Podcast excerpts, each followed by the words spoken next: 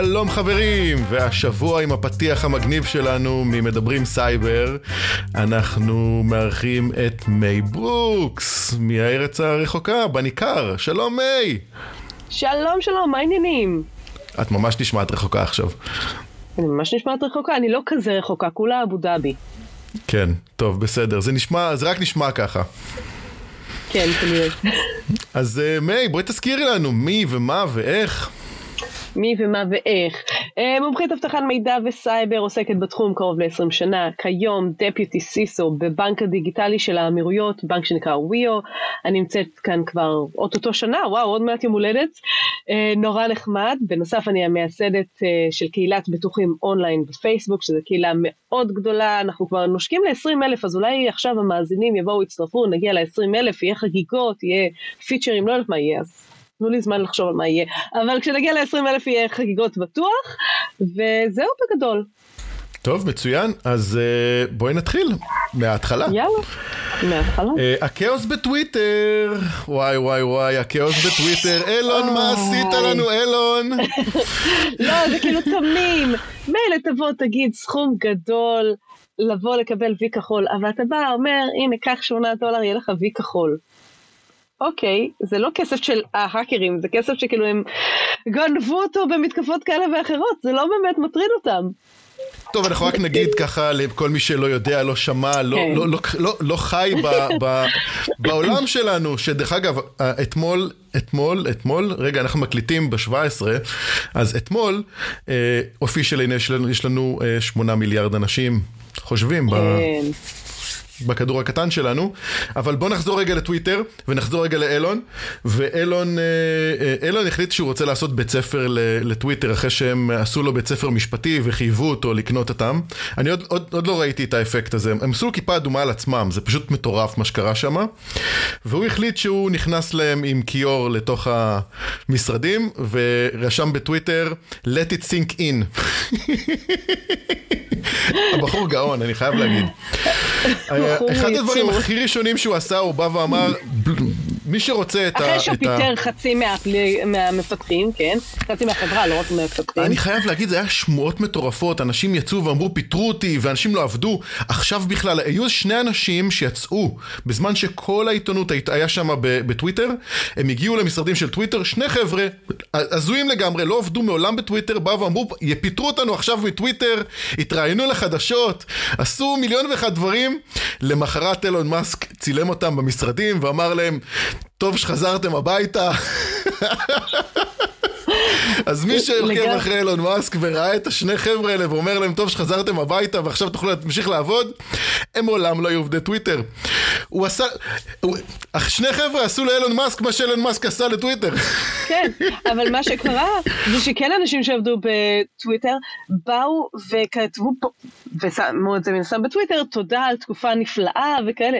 לא יודעת אם מפטרים אותי, כאילו יכול להיות שאני אגיד תודה רבה, כי להיות סיסו זה נורא ואיום, אבל אה, לא, זה אחלה דבר אה, להיות סיסו, אבל, אבל בהנחה שאתה לא רוצה שיפטרו אותך, אני לא מכירה הרבה אנשים שיבואו ויגידו תודה וכאלה, אז אולי לא היה כל כך טוב לעבוד בטוויטר, אולי זאת המסקנה.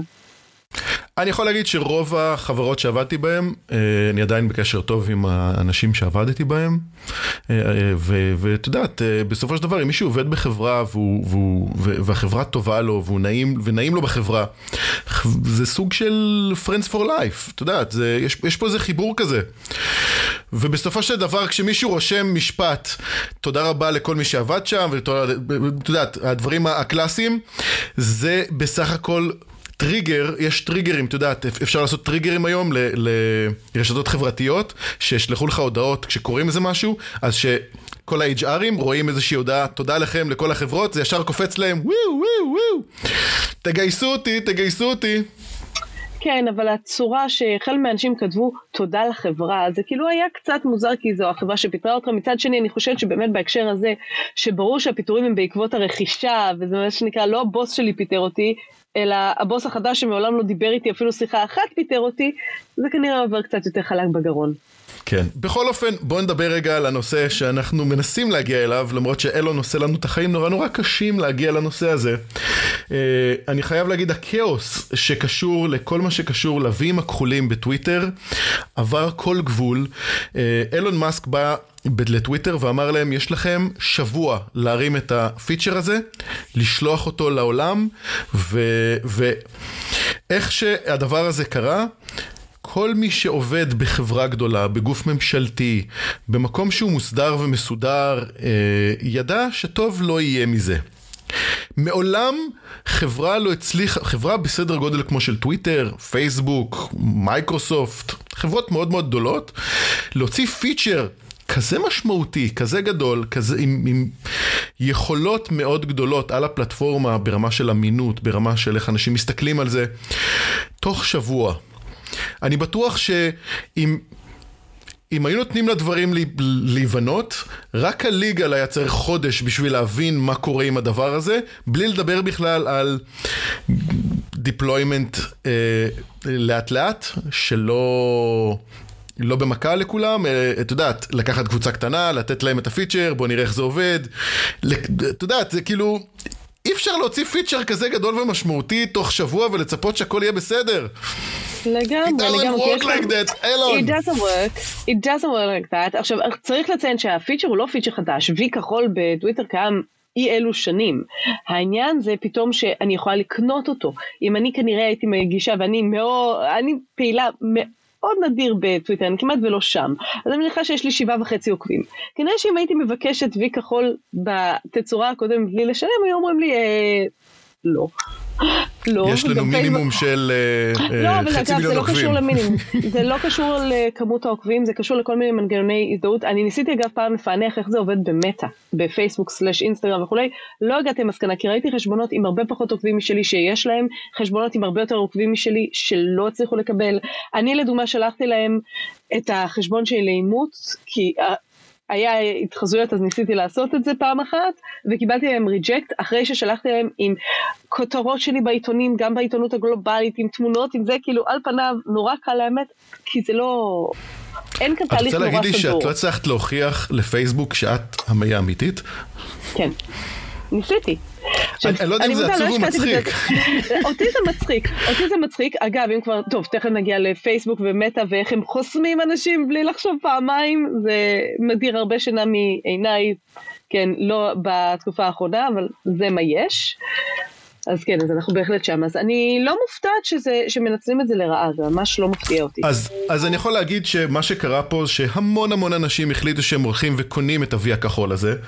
אה, זה היה ממש פשוט, 8 דולר בחודש, take my money מה שנקרא, והם התחילו להתחזות להרבה הרבה חברות, אה, התחזו לאנשים, אה, את יודעת, מרק צוקרברג, דונלד טראמפ, ג'וי ביידן, ג'ורג' בוש, טוני בלר, מי שזוכר עם ה... כן, עם היסוד.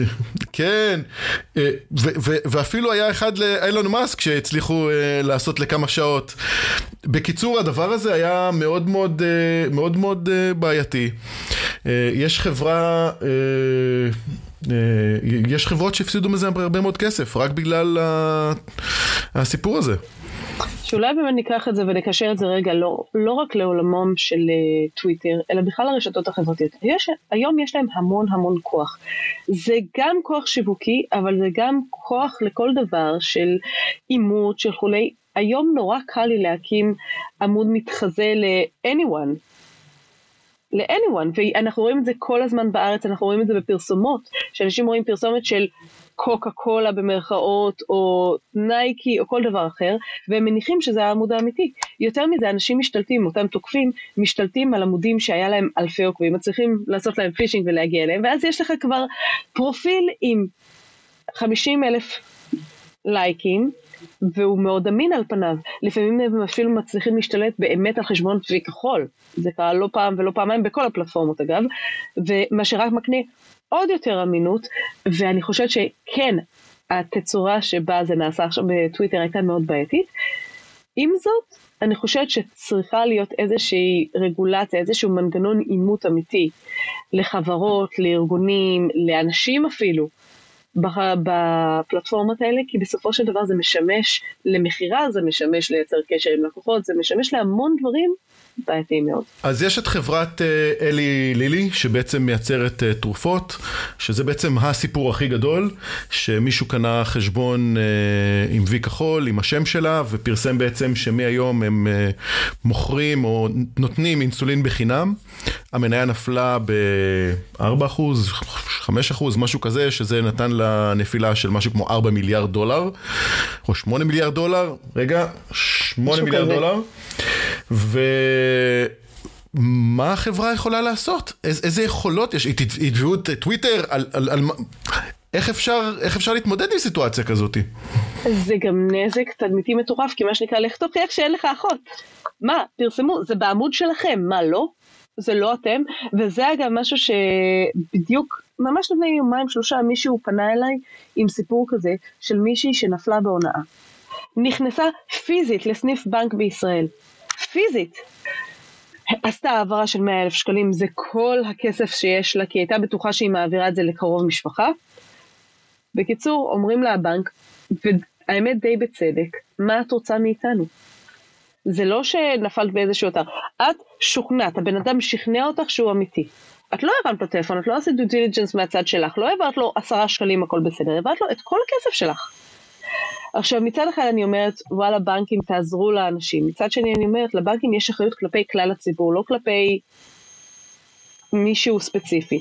ואם הם נותנים עכשיו את הכסף לאותה מישהי ספציפית, מאיפה זה הגיע? מהעמלות שכולנו משלמים.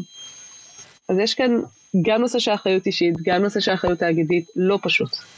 אני באופן אישי חושב שאחד הסיבות שהפיצ'ר ירד ובוטל בטוויטר זה בגלל העניין של הליגל. אני חושב שאלי לילי הולכים אה, לתבוע את טוויטר שבעצם אה, נתנו את הבמה הזאת בצורה אמינה. יש פה עניין של אמינות, אה, זה בעייתי. אני יכול להגיד לך בעניין של בנק, אין מה לעשות. זה, אם, אם מישהו לקח את הכסף שלו והחליט להעביר לחשבון, אני מכיר את זה מהעולם שלנו, שאם אם, אם העברת למישהו בביט איזשהו סכום של כסף, והחשבון, המספר לא נכון, והוא קיבל את הכסף, Game over. נכון. צריכה להתקשר כי... ולהתפלל שהוא יקבל את זה חזרה. היתרון היחידי בביט זה שאי אפשר לעשות עסקאות ממש גדולות, אי אפשר להעביר 100 אלף שקל או 10,000 שקל, אפשר להעביר, אני חושב, עד 2,500, משהו כזה.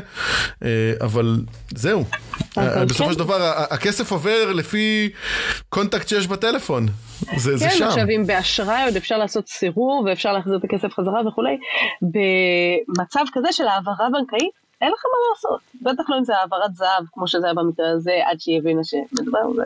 Game over.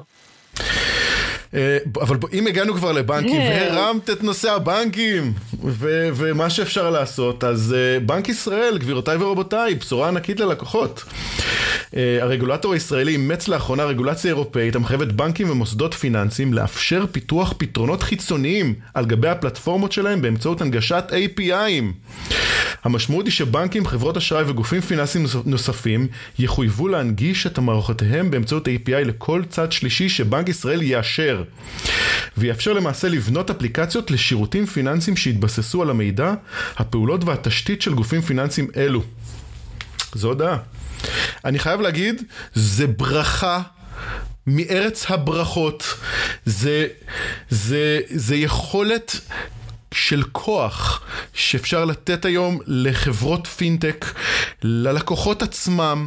אנחנו עד היום, אני, אני חושב שהבעיה הכי גדולה שלנו, שאנחנו מסתכלים היום על המערכת שלנו, הבנקאית, על, ה, על הכלכלה בישראל, הדבר היחידי שאנחנו מבינים פה זה שאנחנו כתושבים לא מבינים את המערכת הזאת. ואם אנחנו לא מצליחים להבין את המערכת הזאת, זה בגלל שהרגולציה והכוחות של השוק גרמו לנו במשך שנים לא לעשות. אני זוכר, אה, כל כך הרבה אנשים באו ואמרו, בוא נלמד את זה בבתי ספר, מה הבעיה? אז בבתי ספר מלמדים, אבל, אבל זה לא עוזר כי מלמדים שם גם על ה... אה, מלחמת העולם השנייה והראשונה, ומלמדים שם תנ"ך, וכמה באמת אנחנו זוכרים את הדברים האלה. הבעיה עצמה היא שאין לנו הנגשה של המידע, אין לנו יכולת להבין, ויש לנו היום כל כך הרבה כלים, אני מסתכל על, בוא נחזור רגע על טוויטר, פייסבוק, על, על, על כוחות, על גוגל, שנותנים כל כך הרבה יכולות. ברמה של אה, אנליזה, ביג דאטה, אה, אה, דוחות מעולים שיכולים לתת אור, ויש היום חברות טובות, ואפשר להגיד את השמות שלהם, כמו רייזאפ, כמו ביזי בוקס, יש, יש עוד חברות שנותנות שירותים בדיוק במקומות האלה בשביל להנגיש את המידע הזה, ו, ואני יכול להגיד, בנקים וחברות לא רוצים לתת את המידע הזה, א', כי הם משחקים את עניין הרגולציה, ב', כי זה נוח להם לא לאפשר ולא לתת להם, לא לתת את המידע הזה לגופים אחרים, כי, כי אז באמת אנחנו נוכל להתחיל להיות יעילים ונתחיל להתאגד. אני, תראה, אני חצי מסכימה איתך, אני חושבת שגם יש את הקטע הזה של ה... אולי להסתיר, אני לא חושבת שבאמת הם רוצים להסתיר את המידע, אני חושבת שבנקים מאוד אוהבים שהכל אצלם, גם כי כשאנחנו לא מבינים אנחנו משלמים יותר עמלות, אבל גם הכל אצלנו, תהיו תלויים בנו, אל תעזבו אותנו כל כך בקלות. ברגע שיש חברות, וציינת את רייזאפ, אז נמשיך עם הדוגמה הזאת, שנותנות לי visibility מלא על הכל, יכול להיות שפתאום אני אשים לב לדברים, ואולי אני אעבור. עכשיו, בואו לא ניכנס ספציפית לנושא של רייסאפ או כל אפליקציה אחרת, אני נמצאת במקום שקודם כל אני אמרתי deputy CISO של בנק, בנק דיגיטלי, אני לפעמים צוחקת עלינו שאנחנו כמעט לא באמת בנק, אנחנו פלטפורמה שמתחברת להמון המון API, אנחנו פינטק. אנחנו פשוט פינטק שבמקרה קוראים לו בנק, אבל אנחנו עדיין פינטק. למה אני מתכוונת? אנחנו היום מאפשרים המון המון יכולות. בכלל כל תפיסת הבנקאות באמירויות ולא באמירויות, ואני מניחה שגם ישראל עכשיו שיש את הרגולציה הזאת תלכו לכיוון הזה, מאפשרים לי one stop shop. אם בארץ כבעלת עסק בישראל הייתי צריכה איזושהי מערכת חשבוניות, לא משנה כרגע חשבונית ירוקה, iCount כל הדומים, כדי להוציא חשבוניות. והייתי צריכה לחבר אותה לאיזושהי מערכת סליקה, שוב, טרנזילה, משולם, קארדקום, whatever. והייתי צריכה גם חשבון בכל אחת מאלה.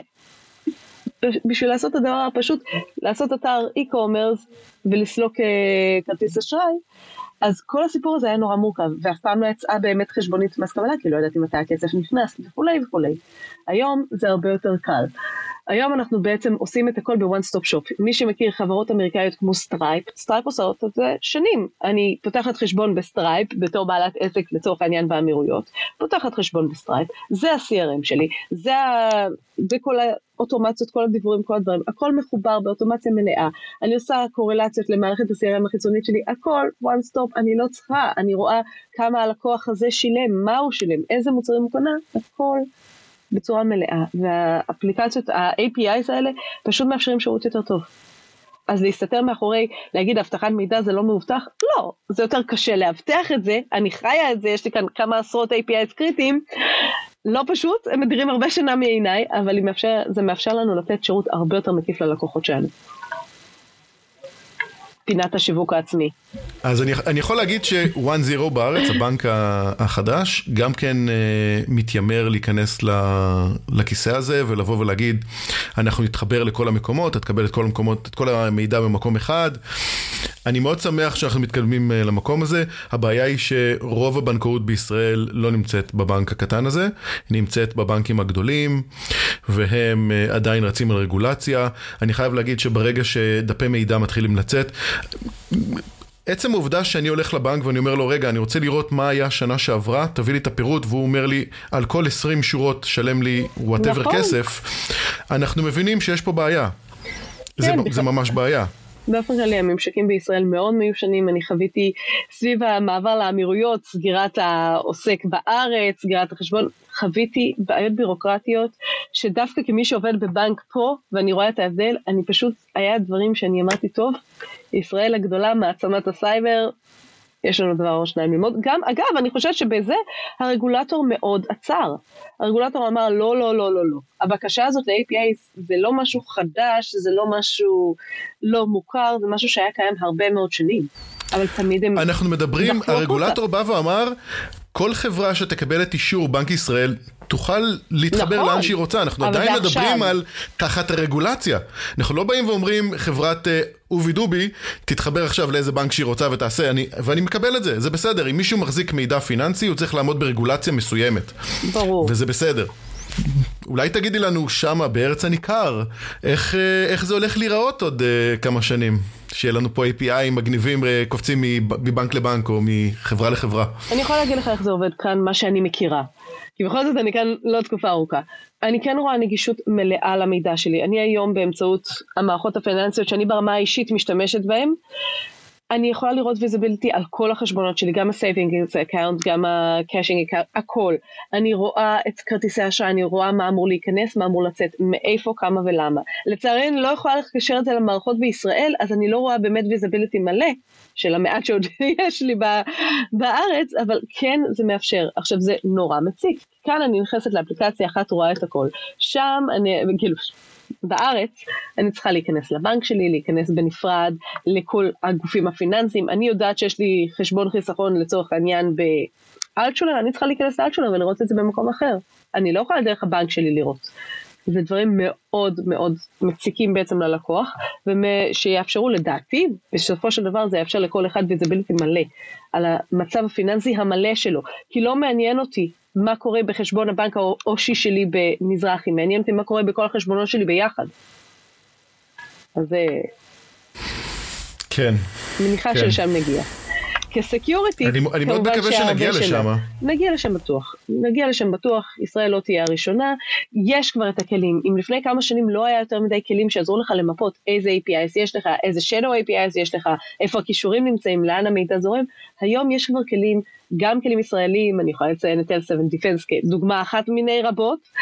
שיודעים למפות לך את זה בצורה אוטומטית. אז אם אני עכשיו בנק בישראל ואני רוצה להתחיל לאפשר, אני אשים כלי כזה, from day one, אני לא אחכה שיהיה לי 150 APIs מחוברים אליי ואז אגיד אה, מי מחובר אליי.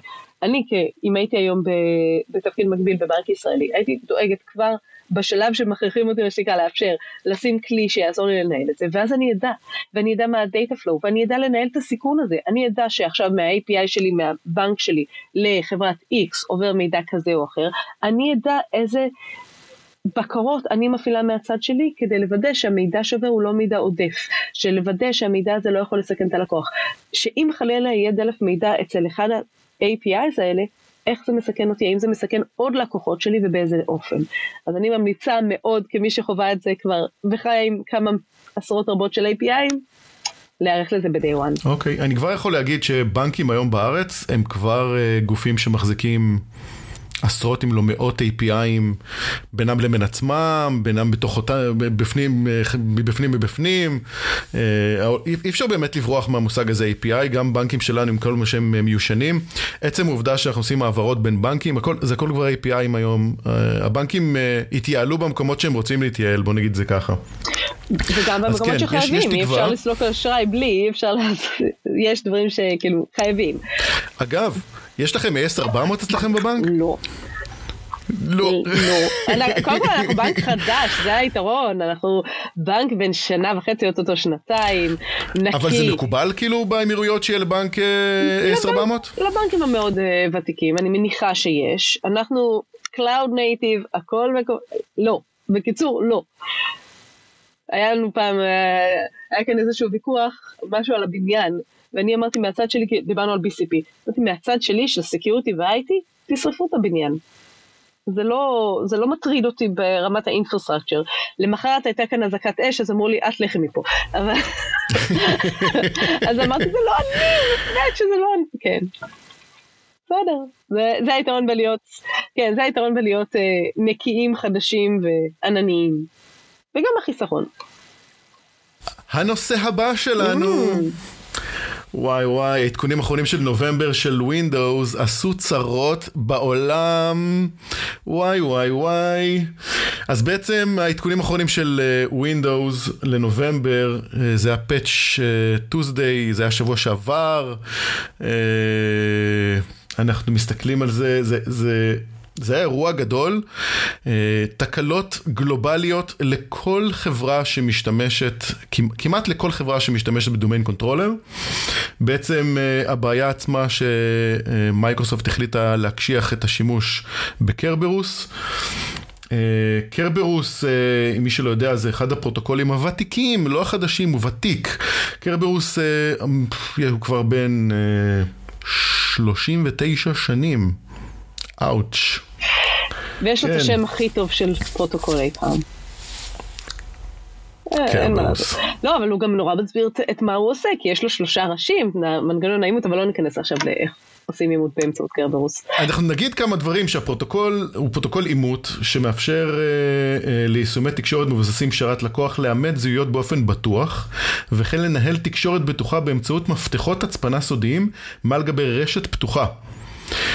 אה, כיום הפרוטוקול הזה הוא פרוטוקול, אני חושב, הכי נפוץ בעולם אה, כן. בזכות מייקרוסופט. בלי שום קשר הוא פותח ב-MIT. אה, בשביל אה, לעשות את ה, לתת את המענה הזה של אה, אימות משתמשים. אחרי חבילת העדכונים האחרונה של מייקרוסופט, יש דיווחים לפיהם קרברוס הפסיק לתפקד כראוי במקרים שבהם מוגדר חשבונות משתמשים התומכים בהצפנה של AES 256 ביט, להשתמש בפרוטוקול, וכן בהצפנה לדוגמה ב-128, כן. אני חייב להגיד שלפני שנה בערך מייקרוסופט הורידה את ה-RC4 מהרשימה של קרברוס, ולאט לאט היא מתחילה, היא מתחילה לנגוס בפרוטוקול הזה בכל מיני מקומות אה, אה, ומנסה בעצם לדחוף אותו. הבעיה עצמה היא, אה, אני, אני רוצה להגיד איזה מילה. בעיקר בתור בן אדם שעשה הרבה מאוד הקשחות בחייו להרבה, בהרבה מאוד ארגונים ו, ואכל הרבה מאוד קשיים, דווקא במקומות האלה. אחד הבעיות כשאנחנו הולכים לעשות הקשחות במערכות, וקרברוס הוא, הוא אחד הדוגמאות המושלמים לעניין הזה. אנחנו רוצים להקשיח את כל הארגון להשתמש בפרוטוקול מסוים, אה, בהצפנה מסוימת, אבל אנחנו לא יכולים לעשות את כל הדבר הזה במכה אחת. עצם העובדה שאנחנו מצפין, אה, לא מצפינים, עצם העובדה שאנחנו עושים את ההקשחה, אנחנו בעצם מעבירים מידע למחשבים, בדרך כלל עושים את זה במחשבי Windows עם group policy, GPO ים, group policy objects, ובעצם אנחנו מכילים עליהם איזושהי הגדרה. ואם לא כל המחשבים מוגדרים עם אותה הגדרה בדיוק, יהיו לנו בעיות. ואז צריך להיות לנו פרגמנטציה, ואז אם החלטנו למשל שאנחנו רוצים להקשיח תקשורת מסוים, למשל להשתמש ב- LAN manager, שזה בעצם מה שבוטל פה.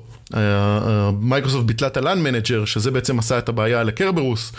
אז אם בעצם אנחנו מבטלים משהו כמו manager, אה, וחלק מהמחשבים מבוטל וחלק מהמחשבים לא מבוטלים, אנחנו גורמים לכאוס אמיתי בתקשורת ואנחנו יכולים להפיל, אמיתי להפיל תקשורת של מחשב רק בגלל שהוא מוקשח ואחרים לא. שהוא מוקשח והשרת לא מוכן לקבל את ההקשחה הזאת. אז יש לנו פה שינויים מאוד מאוד גדולים שאנחנו רוצים לעשות בצורה מאוד הדרגתית והדרך שאנחנו עושים את השינויים היא מאוד מאוד משמעותית. אז אם מישהו חושב שללכת עכשיו ל-GPO ולהגיד, אה, יש פה הצפנה לתקשורת, בוא נעשה הצפנה לתקשורת. זה לא תמיד הדבר הנכון לעשות, ועצם העובדה ששני מחשבים בטסט בנד שלו mm. עבדו, לא אומר שהכל יעבוד. Uh, אני רוצה לקחת את הדבר הזה חזרה לטוויטר. Mm-hmm. מייקרוסופט הוציאו, הוציאו עדכון תוכנה בלי לבדוק אותו כמו שצריך. כן, זה, אבל אנחנו יודעים שזה קורה. זה לא פעם ראשונה ולא פעם אחרונה לצערי שזה קורה.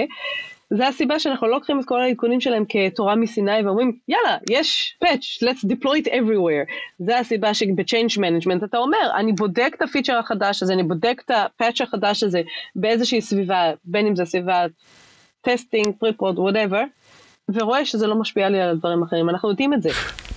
מאי אני לא מקבל את זה. אוקיי. די חלאס. מה האחריות שלהם? אני לא מקבל? את זה. אם אם הם הוציאו איזשהו עדכון שהצליח להרוס לי את ה Notepad או הצליח להרוס לי, להרוס לי איזשהו פיצ'ר שהוא לא משמעותי ב Windows שלי, בסדר, אל תבדקו את זה. אבל אם אתם הולכים להוציא פיצ'ר שהולך להפיל חברות, literally להפיל חבר... חברות, מה? תבדקו את זה יותר. אני לא מבינה איך הם אומרים, כרגע אין לנו פתרון. זה מה שאני לא מבינה, כאילו תעשו rollback לגרסה הקודמת. אחים שלי, זה החלק שאני לא מבינה.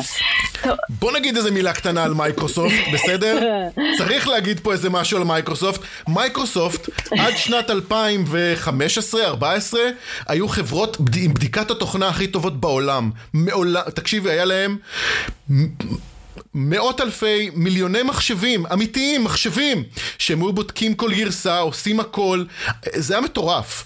ומייקרוסופט באיזשהו מקום באו ואמרו, אנחנו לא יודעים להתמודד עם הדבר הזה, בוא נעבור ל cloud, בוא נעבור למשהו אוטומטי, בוא נעשה את הכל וירטואלי, ומהרגע שהם לקחו את הדבר הזה והפכו אותו וירטואלי, אנחנו אוכלים קאש. מייקרוסופט get a grip.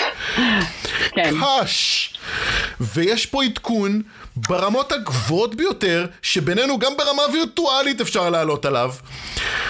כן. מה? עוד סצנריו ל-QA? מה? מה אפשר לעשות? ואז אני, אתה תקשיבי, רואה- יש לי חברים שבוכים, בוכים בלילות בגלל העדכון הזה. אני אמרתי כאילו, על ה... כשראיתי את האירוע הזה, מה שנקרא, אם זה קורה למייקרוסופט הגדולה, מה יגידו אזובי הקיר? מה יגידו אזובי הקיר? אחר כך אומרים לנו, הפיצ'ר עושה ככה וככה. כן, גם למייקרוסופט זה קרה, לא עוזר. two wrongs don't make a right. נעבור לגוגל? למייקרוסופט מותר כנראה. אולי. כי מה תעשה? תעבור למק? זה זוועה, הייתי על מק עכשיו כמה חודשים. זוועה? לא, זה לא באמת זוועה, אבל, אבל אני זקנה מדי ללמוד uh, טריקים חדשים. בואו נדבר קצת על גוגל. זה פשוט נורא שעשע גם, אותי. גם לאפל יש בעיות, כן? בוא. גם הם לא חפים. לגמרי. בוא נדבר על גוגל? כן. מייקרוסופט. אפל, ועכשיו נדבר על כן. גוגל? אם אנחנו פותחים. גם עם טוויטר כבר רבנו, עם כולם רבנו, היום עוד לא רבנו עם אמזון. פעם הבאה אני רוצה שנריב עם אמזון, זה note to self. פעם הבאה נריב עם אמזון, אין לי כן. שום בעיה. לא, אני לא יכולה לריב עם אמזון, אני כאילו בקשר מאוד מאוד טוב איתם. לא יכולה. כאילו, אין יום שלא מגיע אליי שליח, אז כאילו זה לא, אני לא יכולה לריב איתם. אני לא אגיב לזה. בסדר, לא יש. יתרונות בלגור אה, במדבר. אני, אני עכשיו יותר רגוע כשאמרת שאת גרה במדבר, אני יותר רגוע. אני יודעת, אני ככה. מפייסת חזרה. אני, אני תמיד אומר שאני גר אה, רבע שעה מהים, חמש דקות מהיער. מצאתי זהו. את האיזון המושלם בחיים. זה יפה. ואת גרה, ואת גרה במדבר, אז אה, כן, מצד שני, יש לך מהחלון מזון. שלי רואים את הים. אז כאילו, אני לא יודעת. בעיה. הוא רחוק הים? רחוק רחוק? מהחלון, או קרוב? מהחלון, את הים? כן. יש לי אז סירה מצד מטעם אחד. יש לך ים, מצד שני מדבר. אה, את המדבר אני לא רואה, ואני יודעת שהוא כאן. אני יודעת שהוא כאן, כאילו אם אני אסע מספיק רחוק אני אראה אותו בסוף. לא, אתמול נסעתי לדובאי, תני לי משהו. למצפון, תתני לי, מק, תני לי משהו למצפון. נו, בדרך לדובאי, פעם אחת בדרך לדובאי ראיתי גמל.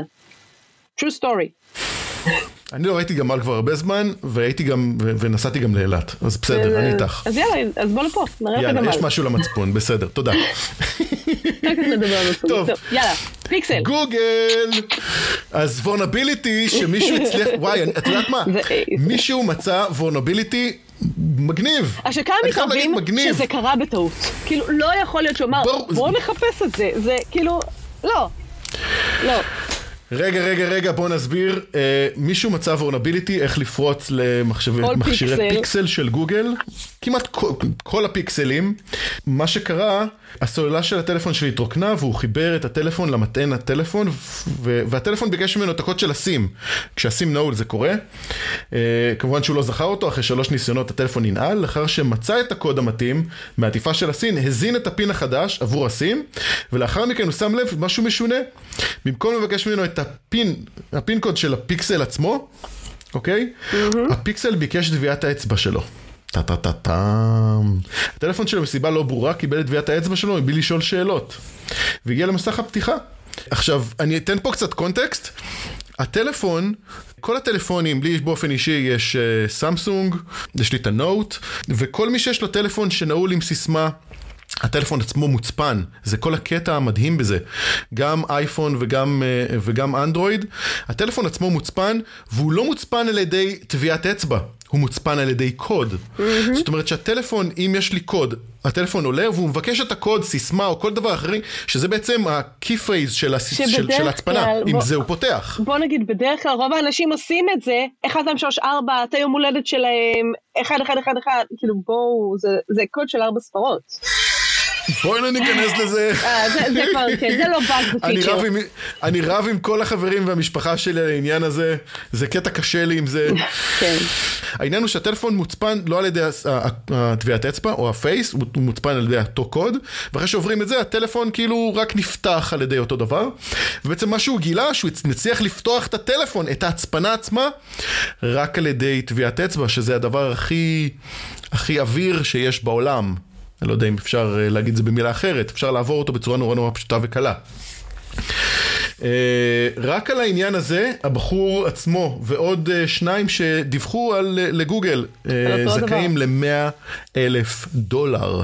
זאת אומרת, גוגל שילמו 300 אלף דולר על שלושה אנשים שבאו ואמרו להם, תראו, אפשר לעבור את ההצפנה שלכם בצורה הזאתי. Uh, אני חייב להגיד ש... פעם, לפני כמה שנים, אה, היה ספורט לאומי mm. לאנשי אבטחת מידע, לנסות למצוא קומבינציות לעבור את, ה, את האייפון. לאייפון היה כל מיני קומבינציות שאם משחקים איתו במסך פתיחה אפשר לדלג עליו. אנשים המציאו גם רובוטים שעושים, יכולים לעשות פאזר אמיתי mm-hmm. ו, ולמצוא דברים. אה, היום כבר אה, הכל סגור, חסום, נעול, פלומבה, וזה מדהים שאחרי כל כך הרבה זמן, יש פה... תראי, ההצפנה של פיקסל, יש פה, יש פה באג ש, שבעצם מאפשר לעבור אותה. השאלה זה אם זה באמת רע בפיקסל, או שאנחנו עומדים לגלות שזה קיים גם בטלפונים אחרים. לי כבר יש חשד שכן, אבל... אני בטוח שזה, שבסלברייט אה, מישהו דופק את השולחן ואומר, oh my god, הם עלו על זה. לא! כן, כזה. כן, זה היה שמה. כן, אמ, אז אה, אם יש לכם פיקסל תעדכנו, אם יש לכם... אה, אה, טלפון, הפעם שעברה אמרת לעדכן טלפונים, אני זוכר, כן. לעדכן טלפונים, כן, תעדכנו. כן, אם יש לכם אייפון, הצוללה תיגמר יותר מהר, אם יש לכם אנדרואיד, יכניסו לכם עוד קצת תוכנות מהצד, תעדכנו, זה תמיד טוב למישהו. אנחנו נדיבים, אנחנו נותנים את המידע שלנו בנדיבות. אז אם אנחנו כבר מדברים על עדכונים ודברים שקורים מעניינים חדשים בעולם, אני חייב להגיד, חברת טיפי לינק, ש... אם היית שואלת אותי לפני שנתיים שלוש מה מייחד את חברת טיפלינק הייתי אומר שהיא חברה סינית שמייצרת דברים בזול mm-hmm. ובשנתיים האחרונות היא מצליחה לעשות אינוביישן. היא מצליחה לדחוף דברים ולהגיע למקומות שאחרים uh, מגיעים אחריהם. כן. ואני חייב להגיד, זה ממש קודוס לטיפילינק, שהכריזה על הנתב אה, וי-פיי 7 הראשון בעולם. זה עוד לא סטנדרט, סטנדרט אפילו. לא, זה, זה כאילו... זה אפילו לא הוכרז, רק בדיבורים. השאלה זה כאילו, זהו, אני... אני חצי מאמינה להם, כי אני בטוחה שבמעבדה הם הצליחו להביא את זה לטווח התיאורטי שאמור להיות שזה נדמה לי 40 אה, ג'יגה, נכון? כן, 40 ג'יגה. 40 ג'יגה? אבל, וואי, וואי, וואי. כאילו, אתה יודע, זה עובד במעבדה. אף אחד אחר עוד לא תומך לא, בזה, תראי. אז אני לא יודעת כמה זה, רגע, רגע, כמה רגע. זה שימושי בבית, אבל זה מגניב לגמרי. רגע, רגע, רגע, רגע, בוא רגע, נעשה סליחה. רגע את, ה, את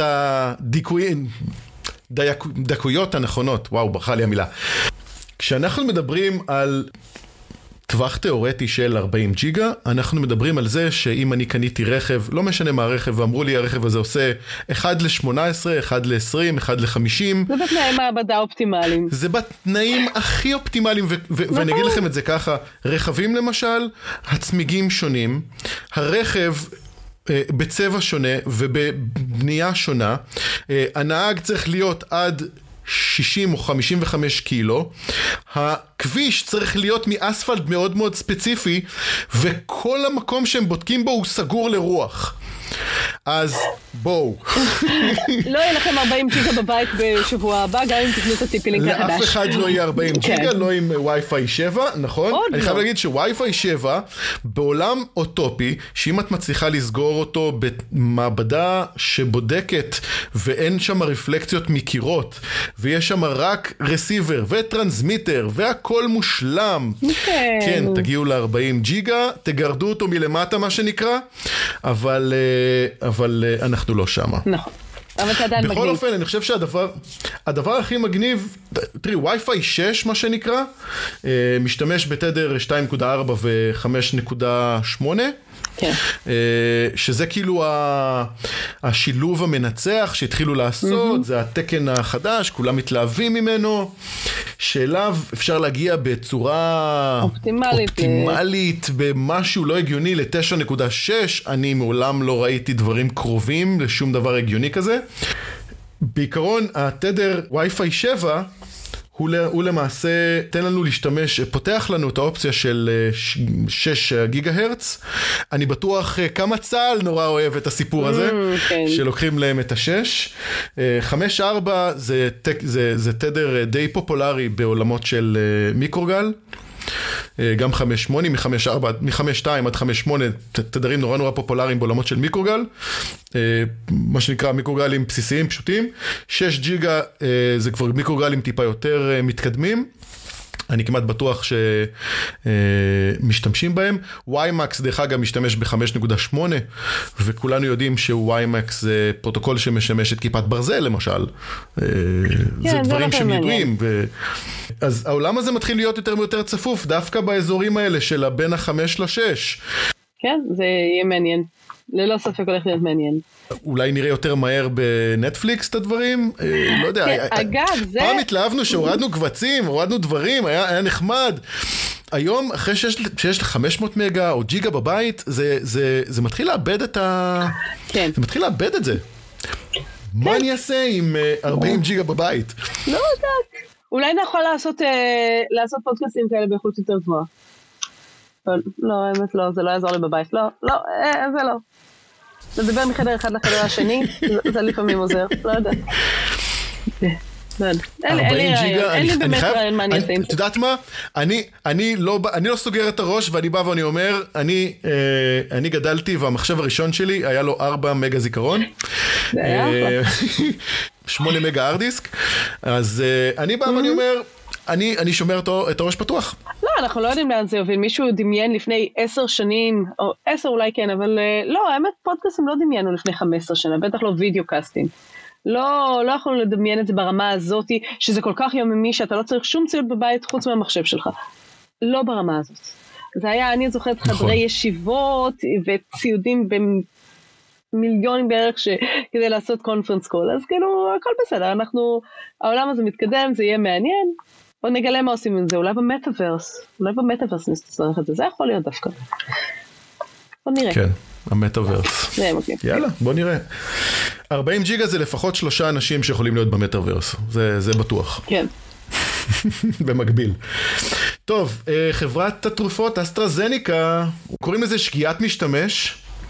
בהשארת רשימת האישורים המקוונים שחשפה גישה לנתונים רגישים של מטופלים במשך יותר משנה הפרצה התגלתה על ידי CISO של חברת הסייבר SpiderSilk, אשר אמר שאחד המפתחים השאיר את האישורים עבור שרת פנימי של אסטרזניקה באתר שיתוף הקוד GitHub בשנת 2021, oh my god. Oh האישורים אפשרו גישה לסביבת הטסטים של Salesforce המשמשת לניהול לקוחות אולם סביבת הבדיקה הכילה גם נתוני מטופלים. והרצחת, ירשת והשמדת בו זמנית, העלית את זה לגיטהאב נתוני אמת, נטלת גישה, נתת גישה לסיילספורס שלך ואז במה השתמשת בסיילספורס בטסטים? בנתוני אמת. לא סתם נתוני אמת, נתוני אמת של מטופלים שכאילו... אני רוצה להיות זבוב על הקיר כש... אחרי, כשהאודיטור שלהם גילה את זה, כאילו הייתי רוצה להיות זבוב על קיר, באמת. זה הרצחת וגם ירשת, אין כאן כאילו... אז שגיאת משתמש, השגיאת משתמש שהוא העלה את זה לגיטהאב, אני אגיד משהו, זה לא שזה לא מטריד אותי, זה מאוד מטריד אותי, זה מכעיס אותי, זה, נתקלתי בזה הרבה מאוד פעמים בקריירה, שמפתחים מעלים דברים שהם לא אמורים לריפוזיטוריז כאלה, זה ואחר. זה לא החלק שמבחינתי הכי מכעיס. החלק הכי מכעיס, למה בסביבת בדיקות יש נתוני אמת? למה? איזה סיבה יש, שב... ויש כל כך הרבה דברים זמינים, אני עכשיו בדיוק עושה כאן איזה טסט אה, למשהו פה בבנק, אמרתי, אני צריכה להראות כאילו נתוני אשראי, ולא רציתי, כאילו, אמרתי, מאיפה אני אביא מאגר?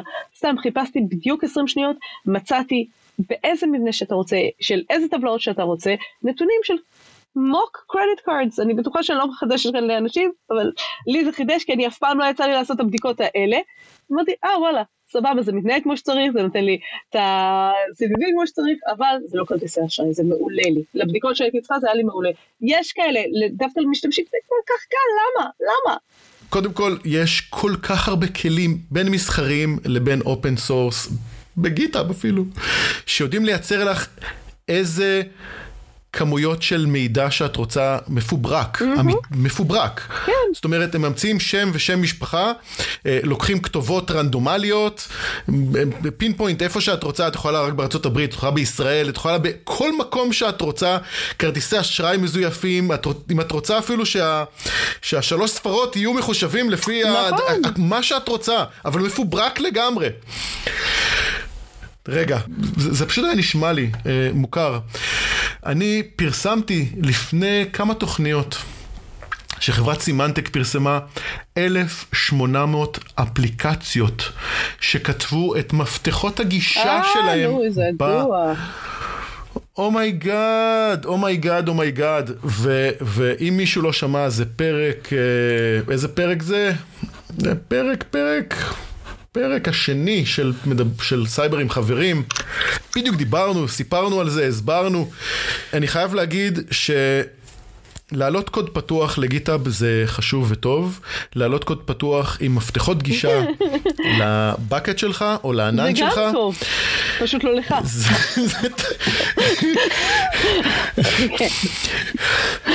job security, זה כואב לי בשריר של הסייבר. זה job security. אם המתכנתים לא היו עושים את זה, אז אה, כן, כן. לא, לא, אל תעשו את זה, אל תעשו את זה. ממש לא. כן, טוב, סיכוני קוד אה, פתוח, יש, אה, יש לי קולגה שלבקשתי העביר את ההרצאה הזאת כמה פעמים גם מול מפתחים שאני עובדת מולם, גם מול אנשי סייבר, פשוט הרצאה מרתקת על הדברים שאפשר למצוא בקוד מקור, ב open source, הזיה. כן, כן. אז... אה, חייבים להמשיך, אין לנו כן, זמן. אין לנו זמן, אם כבר דליפת מידע. תקשיבי, אני, אני חייב לשמור כמה דקות, יש לנו את הוויכוח שלנו מלינקדין. אני, אני מבקש ממך, תוציאי רגע את, ה, את אותה שאלה מלינקדין, תכיני אותה, אנחנו תכף נגיע לזה, בסדר? בינתיים אה, נדבר על דליפה של תוכניות הבנייה של הרכבת הקלה בתל אביב. מידע שנשמר ברכבת, בחברה הקבלנית הסינית שאחראית לבניית הקו הירוק, הגיע לידי קבוצת תקיפה שמזוהה עם מאבק הפלסטיני, בוהו. הם מציעים למכור את המידע לכל המרבה במחיר. בין הפרטים שהשיגו, מספרי טלפון, חוזים של עובדים ישראלים וסינים, צילומי תעודת זהות, ורשום פה, והגרוע מכל, שרטוטים הנדסיים של תחנת הקו הירוק עליו עובד- עובדת החברה הסינית. ומטעם מערך הסייבר הלאומי נמסר כי מדובר בחומרים שאין להם השלכה על הגנת הסייבר של הרכבת הקלה וחלקם אף פורסמו באופן פומבי. נכון. מחברת נטע נמסר בהמשך לתגובת המערך, האירוע המדובר לא התרחש בנטע, ונטע מילאה אחרי הנחיות מערך הסייבר הלאומי במלואן, ילדה טובה נטע, ילדה טובה. את רוצה להגיד משהו לפני שאני אה, אסכם את זה? גילוי נאות, תום מלכה, החוקר שדיווח את זה ומצא, הוא חבר טוב, הוא יושב מולי פה בבנק, לא ברגע זה, ברגע זה הוא מחכה לי שאני אצטרף לפגישה, אמ, אבל תום הוא חוקר מוערך והכל טוב, ואני אמרתי לו, ברגע שהוא סיפר לי את זה, אמרתי לו, אוקיי, הוא הראה לי את התוכניות שדלפו, אמרתי לו, אוקיי, אני מניחה שאם אני אכנס עכשיו לאתר עיריית תל אביב ואכנס לתוכניות הבנייה של הרכבת הקלה שהם מחויבים על פי חוק להפקיד אותם ב, ב, בעירייה, אני מניחה שאני אגיע לתוכניות האלה. זה לא התוכניות הרגישות, מה שרגיש לא יופיע שם. אני לא אומרת שזה בסדר, כל אירוע של דלף מידע הוא מבחינתי לא דבר תקין, הוא לא דבר בסדר. אבל אנחנו צריכים, וזה לקח לנו כאנשי סייבר, מה שנקרא כשאנחנו צועקים השמיים נופלים, אנחנו לא יכולים לצעוק את זה שלוש פעמים בשבוע, אנחנו יכולים לצעוק את זה במשורה. אני חושב שסיכמת את זה הכי אני יפה. חושבת שצעקנו יותר מדי. סיכמת את זה ממש יפה.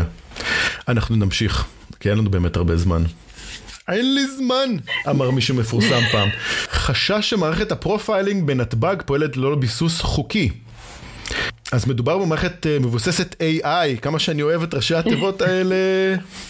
אלגוריתם ממוחשב בעל בינה מלאכותית המחובר למאגרי מידע ממשלתיים ורץ בצורה עצמאית עם כל מיני חיבורים במערכות פתוחות וסגורות אה, והוא על בסיס אה, תחזיות סטטיסטיות מי מהאזרחים שנכנסים לישראל עלול להיות בלדר סמים. לאור העובדה שה... אה, שפועלת המערכת, שפעולת המערכת עשויה לפגוע בזכויות יסוד של אזרחי ישראל, יש פה חשש אמיתי וללא מקור חוקי.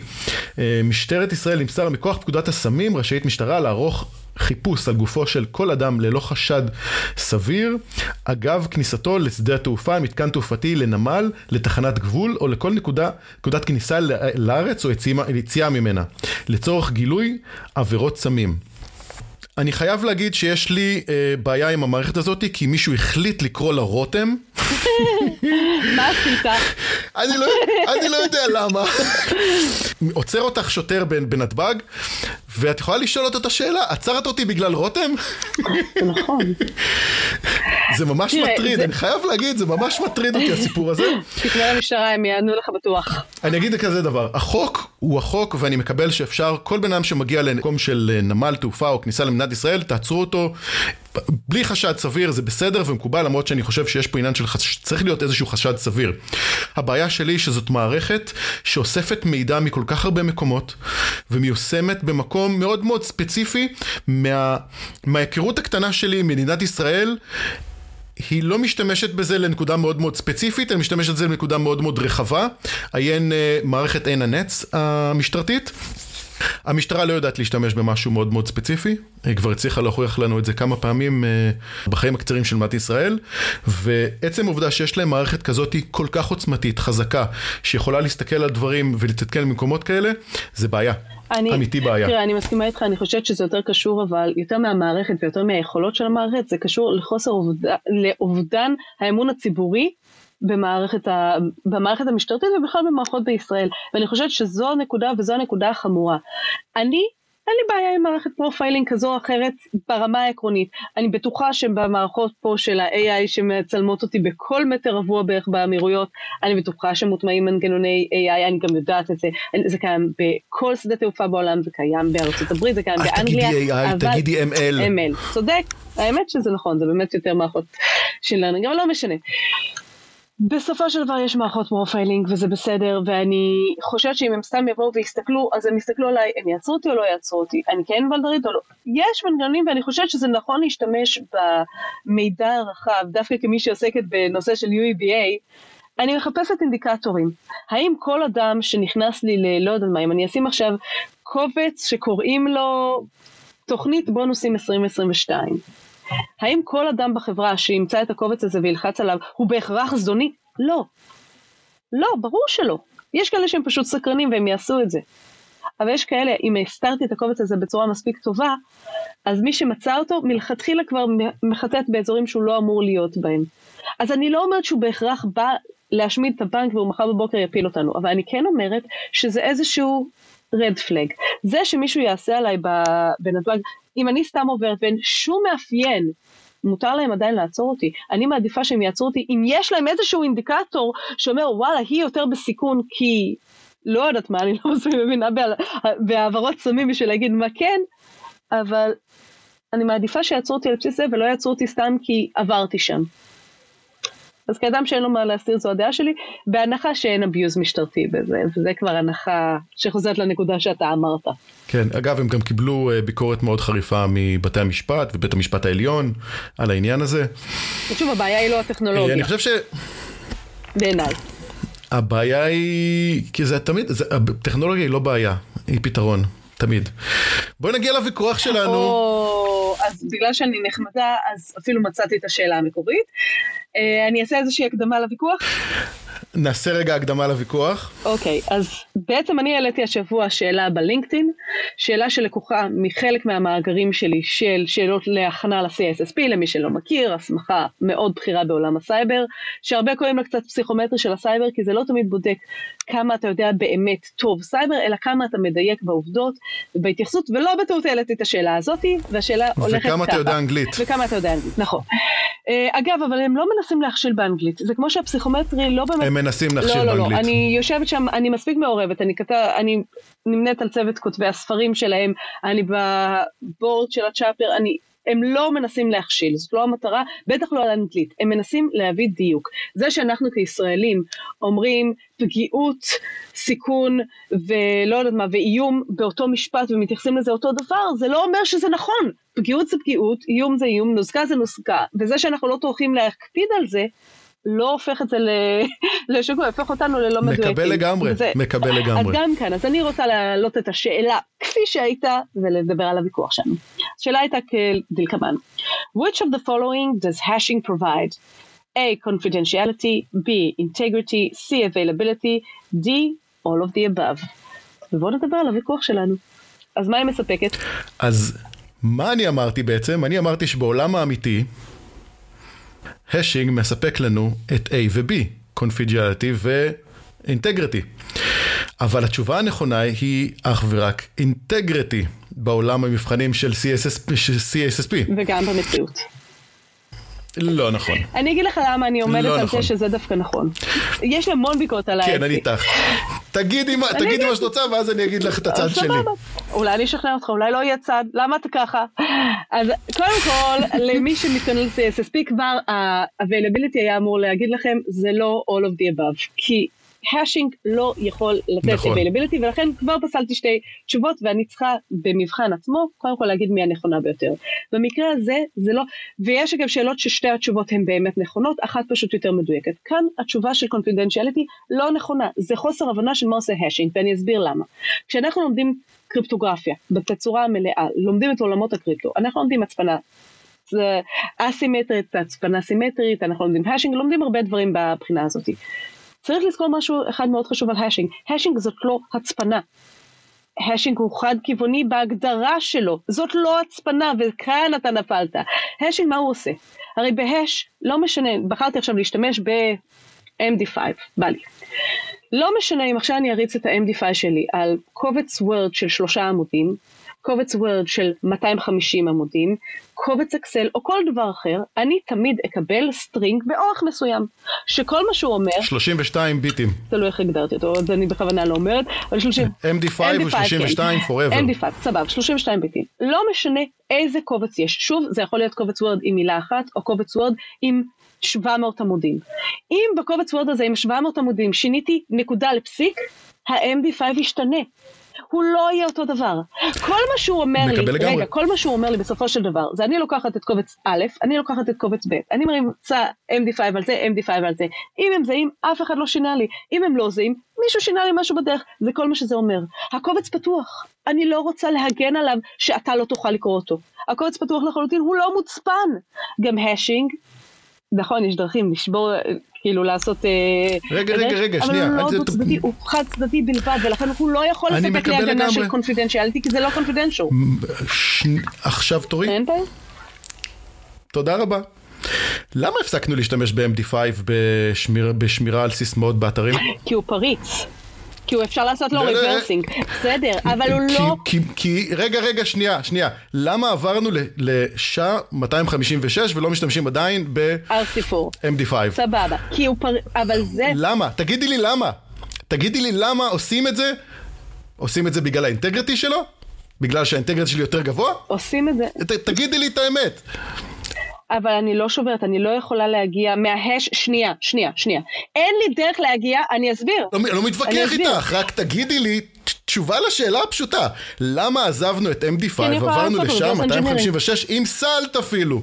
כי אני יכולה לעשות... למה עשינו את כי זה? אני לא... שוב, בגלל האינטגריטי שלו? לא, לא בגלל האינטגריטי שלו, אבל גם לא בגלל הקונפידנציאליטי, כי הוא לא נועד לספק קונפידנציאליטי. הוא נועד לספק לא. זה בדיוק לא. העניין שלו. שם 256 עם סלט היום. נועד לספק אבל זה נורא לא, פשוט. אבל לא כהש, זאת לא המטרה שלו.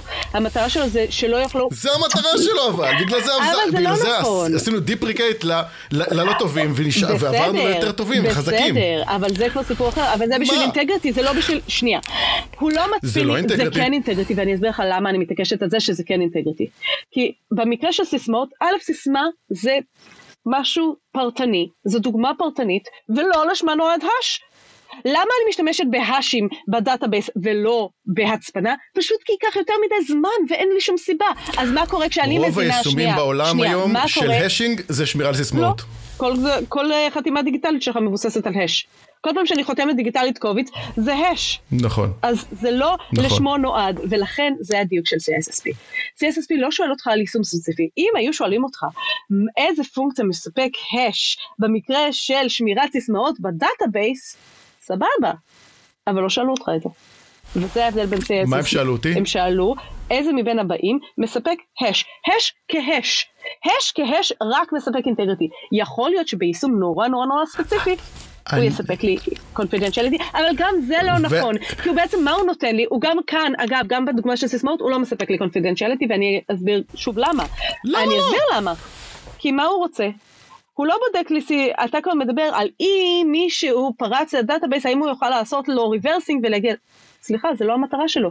למה יש לי ב database hashing? זה בדיוק שנייה, המטרה שלו. לא, המטרה שלו זה להיות יעיל. שכשאני באה במחשב שלי ומכניסה את הסיסמה שלי 1 עד 6, אתם מוזמנים לנסות, זה לא הסיסמה שלי, אבל בסדר, הכנסתי 1 עד 6, הוא לא יצטרך ללכת ולקחת 1 עד 6 ולהעביר אותו ולבדוק אותו מול ה database, הוא ייקח את ה hash, והוא שומר hash מול hash, ואומר האם הם זהים, זה יותר מהיר, זה הכל. זה לא יותר מהיר. תקשיבי, בתור תכנת אני יכול להגיד לך לקחת את הטקסט מפה ואת הטקסט מפה ולעשות לו, אה, אה, אם זה זהה, זה הרבה יותר מהיר, ולא להעביר כל אחד את ההשים שלו ולעשות את זה. ורק שאני לא מחוברת מול הדאטה זה לא משנה. בטח שכן. אז אני לא רוצה לשמוע את זה. מבחינת מהירות אין פה תוקף. יעילות. ובסופו של דבר... אין פה יעילות, זה רק... בסדר, אז בסופו של דבר אתה מסתכל על זה ואתה אומר מה התשובה המדויקת. אני רשמתי, בעולם האמיתי, בעולם של יישומים אמיתיים, אז אנחנו גם צריכים את ההצפנה וגם צריכים את האינטגריטי. את ההצפנה, כן. בעולם המבחנים, לא, כנראה אינטגריטי זה הנכון. אבל שוב, ברגע שאני רוצה להצפין מידע, אני לא אבחר בהש. כי זה לא דרך נכונה להצפין מידע. כי אם אני רוצה להעביר אליך, אם אני עכשיו רוצה להעביר לך קובץ של 100 עמודים, שהוא נורא נורא נורא רגיש. מה ייתן לי זה שעשיתי לו השינג? גם אם עשיתי את זה שעה 256 עם נסולט, גם אם עשיתי עליו שעה 512 שאסור לי, אבל לא נורא. אבל זה, זה לא, לא הוויכוח, הוויכוח לא, הוא אבל זה לא נותן. מה, מה נותן השינג? מה נותן הש? לא והש נותן גם... הוא לא נותן לי את ה-confidentiality בהקשר הזה. אז למה לא משתמשים עדיין ב-MD5? שוב, למה הפסקנו להשתמש ב-MD5? מסיבות אחרות לגמרי. זה חוסר הבנה של למה אני משתמשת ב-MD5. MD5, הסיבה שאני לא משתמשת בו, כי קל לי לבוא ולקחת לקחת rainbow tables ולעשות השוואה, ונורא קל לי לעשות על זה brute force, ונורא קל לי. זאת אומרת שאין לך שם את ה-confidentiality, זה בדיוק העניין. כן, אבל זה לא בגלל זה אני משתמשת ב... אני לא מסכימה. אני עדיין חושבת שצריך להצפין database ים, אבל אני לא חושבת שה hash עצמו, הש עצמו לא יכול לספק לסודיות, כי שוב, אני, אם במקרה אחד, ולו בדוגמה אחת בעולם, השימוש רק בהש לא נותן לי קונפידנציאליטי, אזי זה לא נותן קונפידנציאליטי, דבר שאני לא יכולה להגיד על הצפנה אסימטרית. או על הצפנה סימטרית גם. אני לא יכולה להגיד, הצפנה סימטרית לא תיתן לי סודיות. היא נועדה לתת לי סודיות. אם אין לך את המפתח, Game over, תעמוד על הראש. בהנחה כמובן שהשתמשתי במפתח מהדורות החדשים ולא הלכתי לאיזשהו היסטוריה, בסדר. בכוונה נתתי MP5 וידעתי שאתה תצק לי על זה, אבל בסדר. המטרה היא, שוב, המטרה... את התחלת, לא, רציתי להגיד RC4, רציתי להגיד דברים יותר ישנים, אין לי בעיה. 3DS, אני זורם עם הכל. לא צריך, למה 3? אפשר נכון, דס לגמרי. כן, אבל זה באמת, אז אני אומרת, בסופו של דבר, השאלה זה למה נועד היישום? היישום נועד להבטיח לי אינטגריטי. זה מה שהוא נועד. זה שהוא גם עוזר לי לשמור על confidentiality נהדר, אבל זה by-product, זה לא ה product. וגם זה לא בכל דוגמה, ולכן זה לא יכול להיות תשובה, בטח לא ב-CISSP. אבל זה סתם כן. זה שמתי את הגובה של המרצה רגע. זה כנראה העניין. כן. זהו, זה כנראה שם העניין. כן. שמחתי להתווכח איתך. אני טובה בזה, אני אוהבת להתווכח. נעשה debate club פעם על אה, שאלות ב-CISSP. אבל לא על כולם אני יכולה להגן, זו בעיה. לפעמים אני ממש קשה להגן עליהם. בסדר, אני משתדלת. כן. יאללה, תראי. אה, מיי, תודה רבה. היה לנו כיף. אה, תודה רבה גם לבועז אה, פירסט, שהוא העורך של התוכנית. אה, אני הייתי רותם בר, ויאללה ביי. יאללה ביי.